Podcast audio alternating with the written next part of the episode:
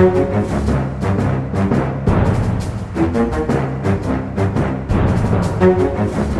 bra. Da kjører vi på med en ny episode Aftenpodden USA. Undertegnede Øystein Langberg er som vanlig på plass i Brooklyn i New York.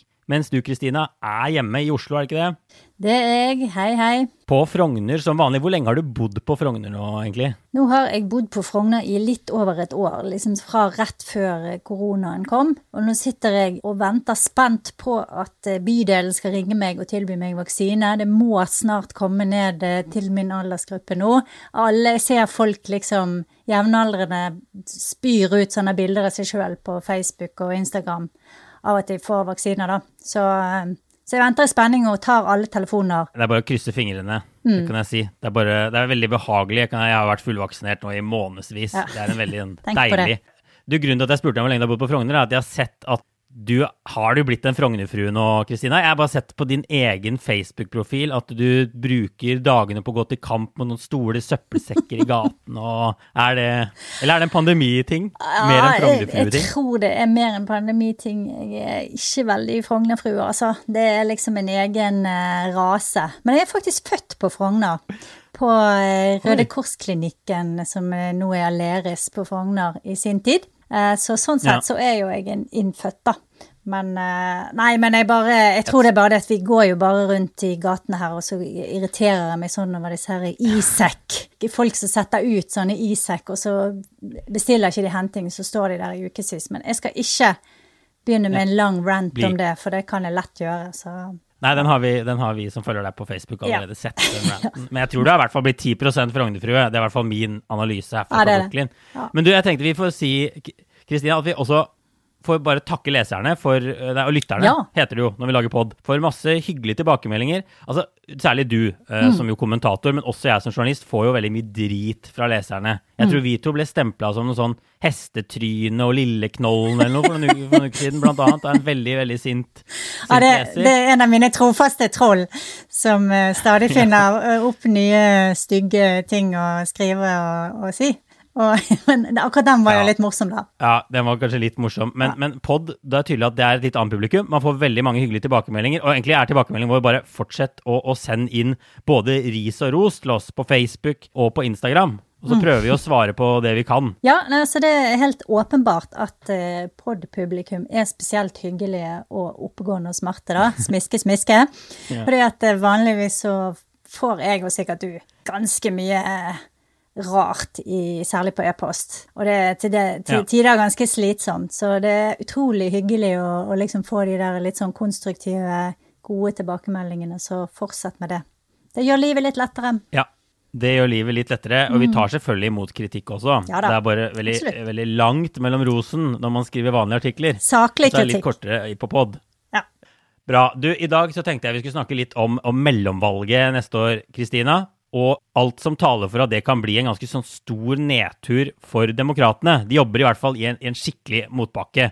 Men før vi går i gang med det hovedtemaet, så tenkte jeg vi må snakke litt om hva som har skjedd siden forrige uke. Ja, i går så kom altså meldingen om at Bill og Melinda Gates skal skilles etter 27 år som ektepar. Og Bill Gates er jo grunnleggeren av Microsoft, var lenge USAs rikeste mann. Og dette paret har brukt veldig mye av pengene sine på veldedighet, sin egen sånn eh, foundation, og har jobbet eh, spesielt masse med vaksiner. Vi har faktisk litt å takke de for eh, når det gjelder vaksiner og, og, og bekjempelse av pandemien. Det andre punktet mitt er at eh, amerikanske selskaper kom med kvartalstallene sine i forrige uke, og de viser bl.a. hvor mye disse store tech-selskapene har økt omsetningen sin fra i fjor, i koronaåret. Altså. Og det er ganske sinnssvakt. Altså Facebook økte med 48% Amazon med 44% Apple med 54% og Google med 50% Så virkelig en enorm boost for akkurat disse her store tech-selskapene. Absolutt. Og så er det sånn at vi har snakket om det før. USA skal ut av Afghanistan, Nato skal ut av Afghanistan. Nå har den tilbaketrekningen startet. De pakker utstyr, og de har også begynt å forlate baser. Og så ser vi samtidig, som ventet, at volden øker, regjeringsstyrkene er under press, og Taliban er på offensiven.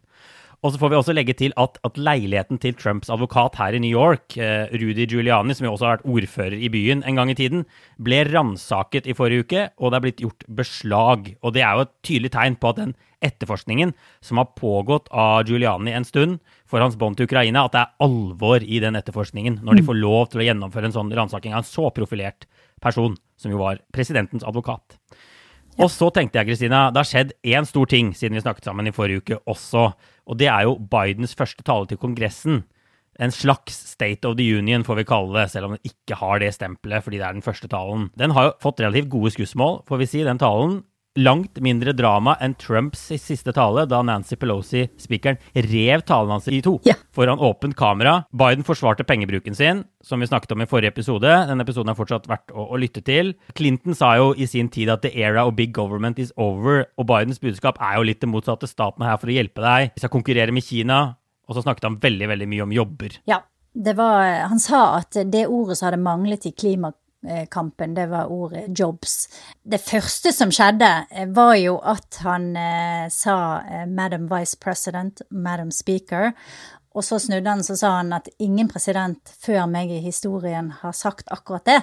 Og det at det satt to kvinner bak mm. ham, som altså da er eh, nummer to og nummer tre i eh, Hva heter det, ikke arvefølgen, men i, til å overta presidentembetet hvis han skulle eh, forsvinne det var, ganske, det var ganske historisk og spesielt. Så for meg var jo det et veldig stort øyeblikk, da. Og litt sånn der, et sånn veldig visuelt mm. uh, bilde på hvor endret uh, situasjonen er bare fra i fjor. Og talen var jo sånn relativt uh, egentlig som forventa, var den ikke det? Det var ikke så veldig mye harde angrep på republikanerne. Han snakker mye om e unity, samhold og den type ting. Og så forsvarer han dette store, litt sånn radikale programmet sitt, egentlig. Mm. Og han, han, gjør på en måte det som vi har snakket ganske mye om, med at han bruker et budskap som handler om at dette kan USA klare. Vi er sterke nok, vi er gode nok, vi kan ta denne utfordringen. Vi skal slå Kina ned i støvlene, ikke sant. Vi skal vinne denne konkurransen. Så han bruker ord og uttrykk og et budskap som amerikanerne er veldig vant til å høre. Det er et litt sånn Reagan-aktig budskap, på en måte, satt jeg og tenkte når jeg hørte den talen. da, Med litt sånn optimisme på USAs vegne og en slags positiv nasjonalisme. Som mm. jeg tror er en veldig, veldig smart måte å pakke inn dette budskapet på. Ja, det tror jeg også. Og han har jo litt av den økonomiske populismen til Trump også. Han er jo uenig med Trump i veldig mye, men han jo, snakker jo varmt om å kjøpe amerikansk. Alt skal bygges i USA av amerikanske arbeidere, og de skal være fagorganisert. Og, og det var jo noe som skapte applaus på begge sider under den talen. Det er jo ikke så ja. mye som gjør det, men det var også republikanere som likte det de hørte der. da. Så han låner litt ja, fra mange presidenter, egentlig. Så Biden har kommet ganske godt i gang, egentlig. Vi har snakket om det før. Han har gjort det relativt godt på, på målingene. Han har fått gjennom eh, ganske mye politikk, eh, som også er ganske populær blant velgerne. Han har mer politikk på trappen som er ganske populær blant velgerne. Men så er det sånn i USA, da, som alltid, at det er et nytt valg like rundt hjørnet. Man får på en måte aldri puste ut. Det er så vidt vi har liksom klart å sove etter presidentvalget, og så snakker alle da om mellomvalget. Det blir mer og mer om mellomvalget, som altså er i november neste år. Og det er jo ikke Biden på valg, presidenten sitter jo i fire år, men da skal man avgjøre sammensetningen av Kongressen på nytt. Så hele dette. Representantenes hus er oppe på valg. Eh, der har Demokratene et veldig knapt flertall på elleve seter. Det var det de hadde etter, etter valget i høst. Og så er Senatet oppe på valg. En tredjedel av senat senatorene skal byttes ut. Og der mm. har Demokratene ett sete å gå på, bare. Mm. Så dette kan jo potensielt gå skikkelig dårlig. Ja, og eh, som vi også har snakket om et par ganger før, så er jo dette her eh, veldig viktig for Bidens agenda. Altså hvis han skal klare å gjennomføre de store tingene han har satt seg fore, så må han ha støtte hos Kongressen. Han må finne en måte å få det gjennom på. og Da trenger han å ha flertall, helst i begge kamrene, ikke sant. Så ja. det er veldig viktig for han at han prøver i hvert fall å holde på flertallet. Mm. Men eh, det er også viktig for han at han prøver å få gjort så mye som mulig nå før dette valget, i tilfelle han skulle tape stygt. Og da eh, sitter han jo egentlig der og har mye mindre spillerom i de neste årene han blir president. Og noen ja. presidenter har jo tilbrakt mesteparten av åtte år med Kongressen imot seg. Og da blir det vanskelig. Ja. Da blir det også vanskeligere med gjenvalg i 2024. Og veldig mye av den agendaen han legger opp til, vil jo da være helt ut av vinduet. Vi ser jo at det er veldig vanskelig å få med seg republikanere på, på noen av de mer luftige ideene hans. Så det vil være et mm. helt annet presidentskap de siste to årene hvis dette ryker. Så der står jo bare veldig veldig mye på spill. Det tror jeg demokratene også er enige om. Så de må gjøre flere ja. ting, som du sier. De må få gjennom så mye de kan nå. Og så må de jobbe alt de hæler for å få beholde, klare å beholde flertallet i mellomvalget neste mm. år. Men det er ikke så lett å gjøre det. Og jeg tenkte vi skal, kan dele dette inn i noen punkter og forklare litt hvorfor Biden nå, altså selv om han er populær, vil slite med å beholde dette flertallet. Og det er jo sånn at Den ene grunnen til det er at han har det vi kan kalle egentlig politiske naturlover mot seg. Det er ikke bare Biden, det har alle presidenter, alle partier.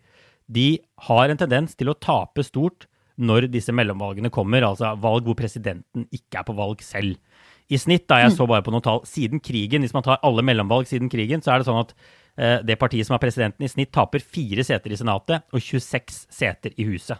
Og det betyr jo, hvis Biden gjør det nå, altså gjør et gjennomsnittlig mellomvalg, så er det en katastrofe. Da har de mista flertall i begge hus og kommer ikke til å greie å gjennomføre særlig mye politikk. Mm. Og så skal vi minne om, eh, for de som ikke har detaljkunnskap, at senatorer sitter altså i seks år. Mm. Og det er to senatorer fra hver delstat, og så sitter eh, kongressmedlemmene, altså medlemmene i Representantenes hus, i bare to år hver. Så de svinger mye mer i Representantenes hus, og det er derfor du også har disse altså, ja, eh, ja 26 som er gjennomsnittlig antall seter. Det er jo mange flere seter i Representantenes hus også, men, men, du kan på en måte få enorme svingninger, da, fordi det er hvert andre år at alle sammen byttes ut. Og så er det mye mer stabilt i, i Senatet. Men altså, som sagt, selv et gjennomsnittlig mellomvalg vil være en elendig utfall for demokratene i, i, det valget her. Og hvis man ser på disse 19 mellomvalgene som har vært siden krigen, så har partiet til presidenten kun gått frem i to av 19 valg. Som jo også er veldig, veldig mørke skyer på horisonten for, eh, for, for Biden. Og en av de som jo gikk kraftig tilbake, en legendarisk smell, var jo Barack Obama i hans første mellomvalg, mm. hvor de tapte 64 seter. Mm. Og Barack Obama Eh, beholdt jo Senatet. Han beholdt eh, majoriteten i Senatet, men tapte huset allerede i sitt første mellomvalg. Eh, og Obama hadde jo da presset igjennom denne store helsereformen som gjorde at republikanerne fikk samlet seg om en, et motbudskap, og fikk også masse støtte fra deler av næringslivet og Chamber of Commerce og sånne viktige krefter som virkelig mobiliserte mot presidenten. Så mm. han eh, gikk på en smell delvis på grunn av det. Så tror jeg også at det Biden-gjengen nå ser, er at Obama kanskje ikke klarte å løfte folk nok ut av krisen når han kom inn i, i 2000, han begynte i januar 2009. Mm. Da hadde USA sin økonomi akkurat gått på en smell, og det tok for lang tid til at folk merket at noe hadde endret seg i sine eh, dagligliv, da. Ja. Så skal det sies at den andre som gikk på en stor smell, Bill Clinton, i sitt første mellomvalg, tapte også, jeg tror, 54 seter i huset. Eh, han prøvde også å reformere helsevesenet. Han satte sin kone Hillary Clinton eh, til å lede et sånt utvalg som skulle utrede en kjempestor helsereform. De kom med en diger rapport på mange hundre sider. Og det var utrolig upopulært, og det var nok også med på å gjøre at eh, Clinton gikk på en sånn smell. Så eh, helsereform er ikke en oppskrift på å beholde huset, og det har jo kanskje Biden også skjønt, og styrer vel unna sånne eh, ting som liksom kan virkelig motivere motparten, da. Ja. Men når jeg ser på den lista over liksom utfallet av mellomvalg tilbake i tid, så ser man at det ser nesten ut som det skal et lite mirakel til før, før Biden skal klare det her. Det skal i hvert fall ekstremt mye til. Og det er jo ikke bare eh, helsereform. altså vi kan jo peke på, på en måte, hvorfor hver president har slitt i mellomvalget. Trump også, Donald Trump gikk jo på en skikkelig smell i, i mellomvalget i 2018. Det var jo en skikkelig opptur for demokratene, i hvert fall i, i huset. Mm. Og så er det ikke så lett å se hva man kan lære av de som har klart det bra. Altså De to eneste presidentene som har gått frem i et mellomvalg siden krigen, er Bill Clinton i sitt andre mellomvalg etter at han var blitt gjenvalgt, og George Bush i sitt første mellomvalg. Og Hvis vi for tar George Bush da sitt første mellomvalg i år 2002, så var jo det rett etter 9-11. Han var bare utrolig populær. Landet samlet seg opp bak han. Det var en veldig mm. spesiell situasjon. Det er ikke så lett å se hva Biden skal trekke ut fra det. på en måte. Nei, og hvis du ser på litt sånn det større bildet, da, med hvordan kontrollen var i Kongressen, så er ikke det noe sånn tydelig mønster for meg, i hvert fall, der du kan si at de presidentene som hadde full kontroll over Kongressen, hadde så mye bedre resultater eller ble mer populære. Altså Bush hadde f.eks. fire år med total kontroll over Kongressen. og Han er jo mm. en av de mest upopulære presidentene eh, i, i, nyere tid. Mens Clinton han tapte jo Kongressen, og jeg tror den forble republikansk i begge kamrene helt til han gikk av hvis, ikke, hvis, jeg husker riktig.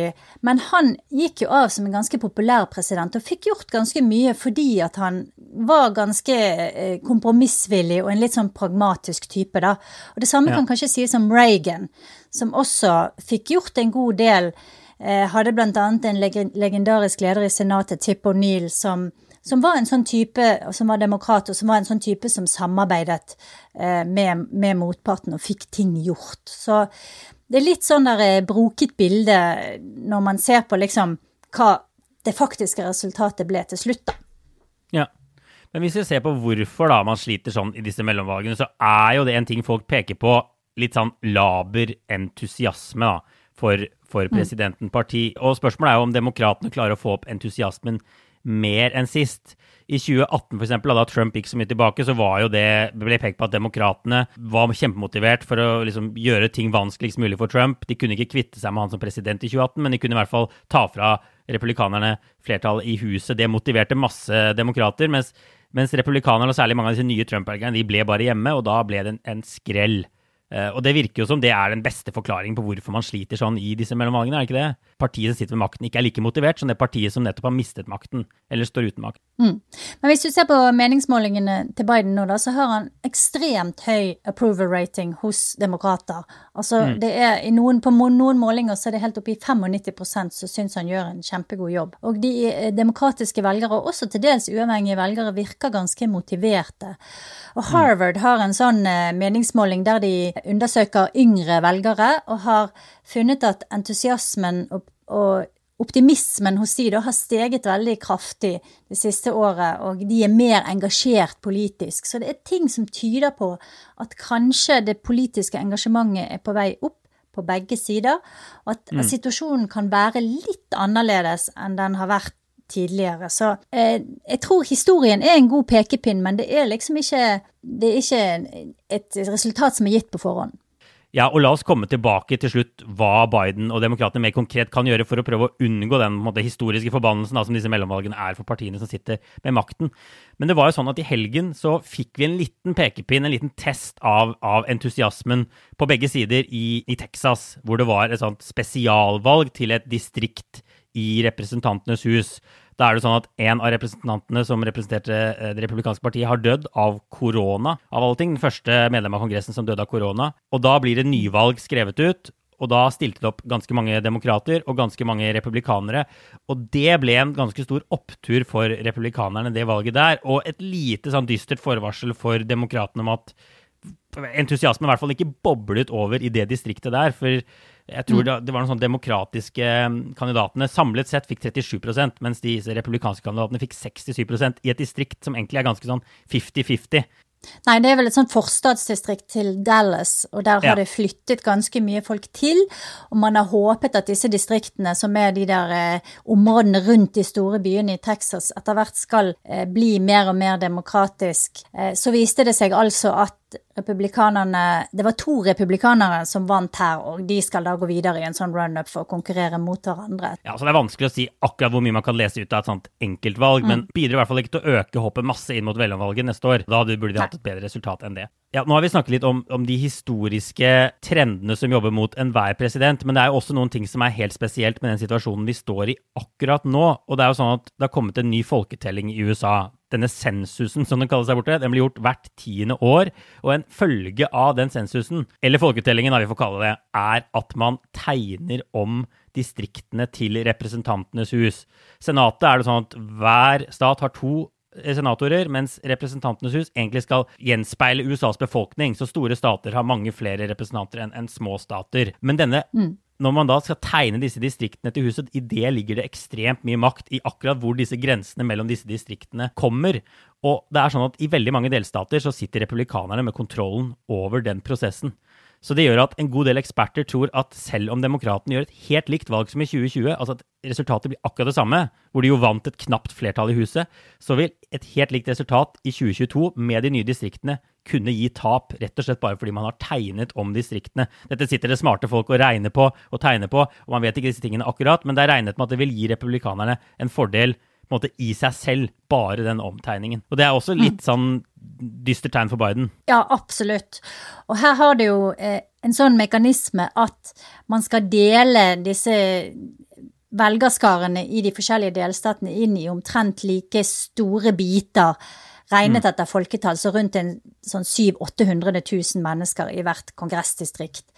Og så kan de da sette seg ned og tegne grensene nesten sånn som de vil. Og det har jo ført til at noen delstater har noen utrolig rare eh, kongressdistrikt som er liksom tegnet med snirkler og en liten øy her og en liten klump der. Ja. For å prøve å optimalisere utfallet for den som tegner kartet, da. Og i veldig ja. mange tilfeller så er jo det republikanerne. Og det det også gjør, er at du får distrikter som kanskje er mer ekstreme enn der eh, befolkningen egentlig er, for de samler f.eks. alle demokratene, la oss si, i en by, da, i mm. ett distrikt, sånn at det, eh, det distriktet da blir 80 demokratisk, la oss si, og veldig urbant.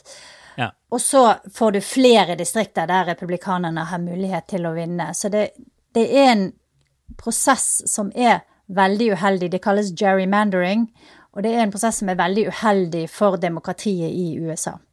Vi har jo alle sett ja, disse kartene. De ser bare utrolig, utrolig rare ut. Og det er som du sier, det handler ikke eh, nødvendigvis liksom alltid om å ikke ha et eneste demokratisk distrikt. For det er jo demokrater i alle stater, men det handler om å klumpe sammen. Drømmen er å få mm. alle demokratene inn i ett distrikt, så de kaster bort masse stemmer. Og så få mye mer sånn mm. jevne republikanske distrikter hvor de vinner med kanskje liksom 5-10 prosentpoeng. Da har du laget det perfekte ja. kartet, og da kan du få et ekstremt skjevt resultat. Uh, hvor man kan se for seg at man er omtrent 50-50 i popular vote i staten, men at de likevel sender uh, fire-fem representanter fra republikanerne og én demokrat til, til Washington, bare pga. måten man har tegna det på. Og det er sånn at nå har republikanerne full autoritet til å tegne 187 nye kongressdistrikter, mens demokratene kan tegne 75. Og resten, da, vi får si det, er sånne uavhengige kommunisjoner som tegner. For det er jo ikke sånn at i mm. alle stater så kan man tegne helt fritt. Det er også en del stater som har innført, flere og flere, som har innført det som jo høres ut som et svært fornuftig løsning, at uavhengige eksperter tegner distrikter som gir noenlunde geografisk mening, og så må politikerne måtte konkurrere ut fra det. Og det er det i en del stater, men det er en overvekt av demokratiske stater da, hvor man har innført de der kommisjonene og sånn. Mens republikanerne, vi ser det igjen ofte, at de er mye råere i å gjøre grep da, som gjør at de kan beholde makt. Og så har det jo vært noen stater der det har vært kamp, eh, f.eks. Pennsylvania, der saksøkte demokratene den prosessen, og fikk medhold i Høyesterett i delstaten, og de måtte tegne grensene på nytt. Så ja. det er prosesser på gang mange steder også, men det er jo, som vi har snakket om før, dette her systemet der alle delstatene skal legge opp sine egne lover og regler, og det er forskjellig fra sted til sted. Det gjør det utrolig komplisert og veldig ineffektivt, og også veldig sårbart for manipulasjon, som vi ser i disse eksemplene her. Ja, og Demokratene er en skikkelig skvis. Her i New York da, så har demokratene egentlig hatt en posisjon mot gerrymandering. De har sagt de må ha en uavhengig kommisjon til å tegne distrikter. Men nå har demokratene flertall i New York State. Og når de nå ser hvordan det vil tjene republikanerne, at de kan tegne alle disse distriktene, så er de veldig frista. Så ingen helt vet hva som vil skje i New York, om de faktisk vil sette seg ned og tegne noen skikkelig snåle, kronglete distrikter for å presse republikanerne ut, eller om de vil oppgi makten til denne kommisjonen. Det blir veldig spennende å se fremover. Og det er også med på å avgjøre akkurat hvor stor fordel republikanerne får av denne omtegningen. Og så kan vi ta en ting til, da, Kristina. Nå har vi snakket om, om måte, de historiske problemene i alle mellomvalg for alle presidenter, og det som gjør dette spesielt for Biden med, med disse nye distriktene. Men det er også en ting til som har vært mye fokusert på i USA de siste månedene, og virker som det republikanerne har brukt klart mest tid på siden valget, og det er å gjøre det vanskeligere å stemme og endre stemmelovgivning i delstat etter delstat. Og det vil jo få ikke bare konsekvenser for mellomvalget, men også for andre valg fremover. Men det kan få konsekvenser selvfølgelig også for utfallet i november neste år. Og Vi har jo nevnt bl.a. Georgia før. da, Der har det jo skjedd en del, og de er vel vedtatt, de endringene der. Men på en måte mm. overskriften er jo at man det, setter strengere krav til hva slags identifikasjon velgerne trenger, som gjør det vanskelig å stemme. Man gjør det mer krevende å forhåndsstemme. Kortere periode. Eh, at man må ha en annen unnskyldning for å forhåndsstemme. De lager færre bokser å legge poststemmer i, f.eks. Og så var det i Georgia en veldig mm. rar regel om at man ikke kunne dele ut vann til folk som sto i kø, f.eks. Frivillige. Og, det høres jo litt rart ut, men i Georgia, i en del av eh, valgdistriktene i Georgia, så er det lange køer. Folk må stå kanskje i fire timer og vente noen steder. Og det kan være varmt. Og da er det klart at selv i november kan det være varmt i Georgia. Og da er det klart at eh, det å kunne få en flaske vann eller få noe å spise på kanskje kan bety noe for de som står der i køen og venter og tenker 'uff, nei, skal jeg gidde', ikke sant. Så det er masse sånne små og store ting som nå blir presset igjennom av republikanerne. En ekstra viktig og ille ting, syns jeg, er at de også prøver å ta makten fra det som kalles Board of Elections, altså disse delstatskongressene rundt omkring i USA som er styrt av republikanere, prøver å innføre lover som gjør at det er de selv som skal godkjenne valget til slutt, og som også skal ha makt over disse her Board of Elections, altså valgstyrene som egentlig organiserer og sertifiserer resultatene. Og det er et mm. direkte resultat av den prosessen som Trump satte i gang etter valget med å hevde at valget var stjålet, og at her skjedde uhumskheter. Og han var jo ute i flere delstater og angrep disse her delstatsansatte byråkratene som var ansvarlig for å telle opp og sertifisere stemmene. Så det er en veldig alvorlig del av denne her innskrenkingen av stemmeretten som jeg tenker er veldig udemokratisk og uheldig. Vi nevnte Georgia, men dette er på gang i altså Florida, Texas, masse stater i Midtvesten. Eh, og så er det ikke mm. alle stater hvor republikanerne har flertall i disse statsforsamlingene, så det er ikke overalt de får gjennomført ting. Men i Florida eksempel også, så har republikanerne full kontroll og kan gjennomføre ganske mye endringer. Og det er jo en stat hvor de tidligere har skrytt av stemmerettssystemet og hvor bra det fungerer. De har kalt det sånne ting som state of the art og sånn. Du som kan mene ting og sånn, Kristine. Altså, republikanerne sier at dette er for å styrke på en måte, tilliten til valgsystemet og sånn.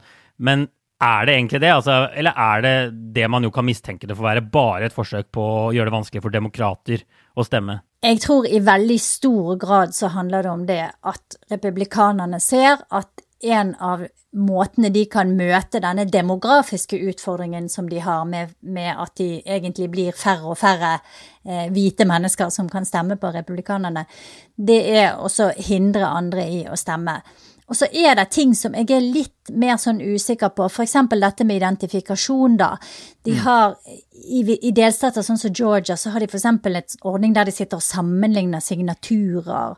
Sånne litt sånn merkelige greier som, som jeg tenker er veldig gammeldags og krøkkete og burde være, kunne være løst på en annen måte. Og da handler jo det kanskje også om at USA etter hvert burde få en identifikasjon som var enkel og grei, og som alle kunne skaffe seg. Og så burde man kunne identifisere seg når man går og stemmer. Det, det er jo noe som demokratene kjemper mot, fordi at ja. de sier at det, det, vil hindre folk, men det, men det syns jeg er litt rart. Og, så det er, ikke, det er ikke bare ensidig i mitt hode. Det, det, er noen av de tingene som republikanerne kjemper for, som er mer eh, logiske og rasjonelle enn andre ting. Ja. Og så er det både når det gjelder gerrymandering, altså tegne disse distriktene, og når det gjelder stemmerettsinnskrenkning, så prøver demokratene da, de prøver å kjempe imot det her. Og de sliter jo i delstatene, der sliter de veldig. Men de prøver mm. i, i, Kongressen å gjennomføre nye lover som vil gjøre det, som vil gjøre det lettere, da, sikre krav til stemmerett over hele USA. Og som vil gjøre det mye ja. vanskeligere å tegne distrikter som bare er helt sånn syke, som åpenbart bare er tegnet for for å utelukke noen grupper og ta med andre grupper og tjene det ene partiet. Men din, denne lovgivningen den må de jo egentlig få gjennomført før mellomvalget i 2022 for å hvert fall få med seg de fordelene da, av de lovene, men det ser det ikke ut som de vil klare å få gjennom. Det er en av de tingene de trenger 60 stemmer i Senatet for å få gjennom, og ikke 50. Og Da må de ha med seg ti republikanere, og det har vist seg ekstremt vanskelig, men det jobbes med. Ja, men det tror jeg er snøball i helvete sjanse for at det kommer ja. til å skje, rett og slett. Godt sagt. Det tror jeg også er, er, riktig. Men hva bør de gjøre da? Du nevnte jo tidligere i episoden at det er ikke sikkert at den historiske forbannelse over disse mellomvalgene vil ramme demokratene i 2022. Eh, det skal litt til, men det er ikke sikkert. Men hva tenker du at de må gjøre for å unngå det? Eh, to ting. Det ene gjør de allerede. Det er å eh, satse stort og satse direkte på å få gjennom politikk som kan, folk kan se i hverdagen sin. Det andre tror jeg er å fortsette å bygge entusiasme, fortsette å bygge et apparat på grasroten som får folk ut og får folk til å stemme. Jeg tror de har en kjempestor mulighet med yngre amerikanere som nå begynner å bli mer engasjert. Generation C og millennials er jo nå den største stemmegruppen. Mm. Der er et kjempestort potensial der. De har stemt veldig, veldig lite i mellomvalgene. Så det er ikke så mange prosent av de ikke sant, som skal til for å virkelig tippe resultatet her. Så jeg tror at de har noen muligheter både når det gjelder mobilisering og når det gjelder å liksom få på plass politikk som de allerede er i gang med. Og man kan jo tegne et scenario for Biden hvor USAs vekst bare virkelig eksploderer, og hvor det neste året bare mm. er det beste året på, på mange, mange mange tiår økonomisk. Han får gjennom en god del populære reformer, men de blir kanskje vanna ut de mest ekstreme delene, så de kan på en måte tolereres av alle. Eh, også de rike skatteøkningene kommer, men de blir ikke så heftige som de legger opp til nå. Eh, kanskje det har kommet noe ny asfalt, de ruster opp en bro i nærheten, infrastruktur. Man kan tegne et scenario at ting kan gå veldig veldig bra for Biden. Og vi ser jo de presidentene som har klart seg godt i mellomvalg. Eh, vi nevnte Clinton i 98 og Bush i 2002. De hadde over 60% støtte fra befolkningen. Så klart, Hvis Biden begynner å klatre opp mot det i dagens polariserte USA, så tror jeg det er veldig bra. Da ligger de i en veldig god posisjon til å i hvert fall klare å beholde den makta de har de har nå, da. Og så blir jo Trump som alltid en nøkkel, da. Det som jo de tjente på i 2018, demokratene, var jo å stille mot Trump. Og det var jo også derfor den uh, velgeroppslutningen ble så enorm i 2020. Og hvis Trump er ute, han er på Fox, han skaper trøbbel, han skaper rabalder, kanskje han er tilbake på Twitter, God knows så har demokratene på en måte en, en, ting de kan bruke for å få velgerne sine ut, da, som mm. ikke er en eh, Biden, men som jo er Trump. Og det er kanskje det aller mest effektive våpenet de har, hvis de kan bruke det, kverne enda mer ut av det. Ja, og så tenker jeg, hvis jo, Vi får jo sånne meldinger, sikkert begge to, fra Trump. Han sender nå på pressemelding sånne ting som han ja. før skrev på Twitter om at det alltid er en løgn og valget var stjålet og sånn. Jeg vil tro at det er ganske mange folk om et år eller halvannen, hvis dette går bra og økonomien går så det suser, som ikke vil være så interessert i å gå tilbake igjen til det der slitsomme Trump-jaget, og tenker mm. kanskje uff, nei, det der er vi ferdig med, ikke sant. Det der eh, det er to år siden, og det endte med at Kongressen ble stormet, og det kan veldig fort slå tilbake på republikanerne. Så tenker jeg at Senatet sannsynligvis er ganske åpent. Det er mm. fire, fem republikanere som skal gå av, og der er det åpne valg, ikke sant, så der har demokratene faktisk en mulighet til å stjele et par seter. I Representantenes hus så er det 16 stykker som representerer distrikter der de stemte en annen representant inn enn de stemte på president. Så eksempel der eh, de har stemt inn en republikaner i, i Representantens hus, men Biden stemte på Biden som president. Mm. Og der er det faktisk eh, ni republikanere som representerer distrikter som Biden vant. Så de har også en mulighet til å knipe litt hvis de satser veldig mye og litt sånn målrettet inn mot de distriktene der for å ta tilbake en del seter. Da så er det mulig at de kan være taktisk og strategisk lur lur nok med bruk av ressurser og med måten de skrur til budskapet sitt på, til at de kan holde det, da. Men det, det vil kreve en uh, voldsomt innsats, og det vil være veldig interessant å se, hvis de klarer det, hvordan det endrer amerikansk politikk. Ready to pop the question? The jewelers at BlueNile.com have got sparkle down to a science with beautiful lab-grown diamonds worthy of your most brilliant moments. Their lab grown diamonds are independently graded and guaranteed identical to natural diamonds, and they're ready to ship to your door. Go to Bluenile.com and use promo code LISTEN to get $50 off your purchase of $500 or more. That's code LISTEN at Bluenile.com for $50 off. Bluenile.com code LISTEN. Vi får bare følge med, Kristina. Dette kommer til å bli et tema i mange podder frem til november neste år, men nå har vi i hvert fall gitt en liten sånn en liten oppvarming, kan vi kalle det, til mellomvalget ja. i 2022. Ja, det blir fryktelig spennende. Fryktelig spennende. Du, hva har du tenkt på siden sist? Har du gått rundt og reflektert over noen ting? Du, jeg, har, jeg hadde egentlig tenkt å, å, ha som obligatorisk refleksjon en sånn veldig nerdete sånn slide-greie med masse grafer på, og så følte jeg at det ble At det har vært litt mye av det i det siste, så derfor så endret jeg ord i siste sekund. Til forsøpling på Frogner? Nei. Til en TV-serie som heter Perny, eh, med norske komikeren Henriette Stenstrup.